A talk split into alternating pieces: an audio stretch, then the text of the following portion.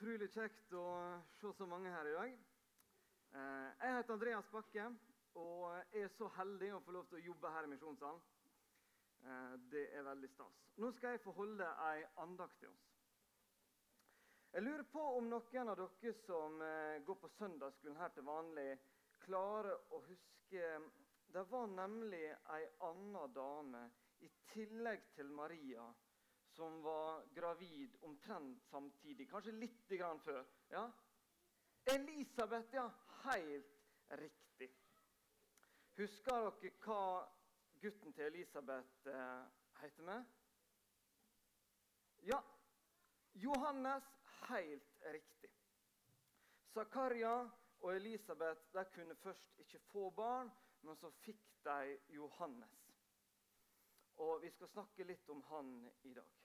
Fordi at allerede lenge før dette skjedde, så var det en profet som het Jesaja, som kunne fortelle om hva det var som skulle skje. Det står I Bibelen vår så står det Se, jeg sender min budbærer foran deg. Han skal rydde vei for deg.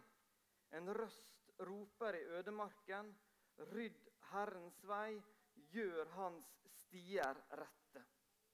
Det skulle altså komme en før Jesus som skulle forberede folket på at Jesus kom.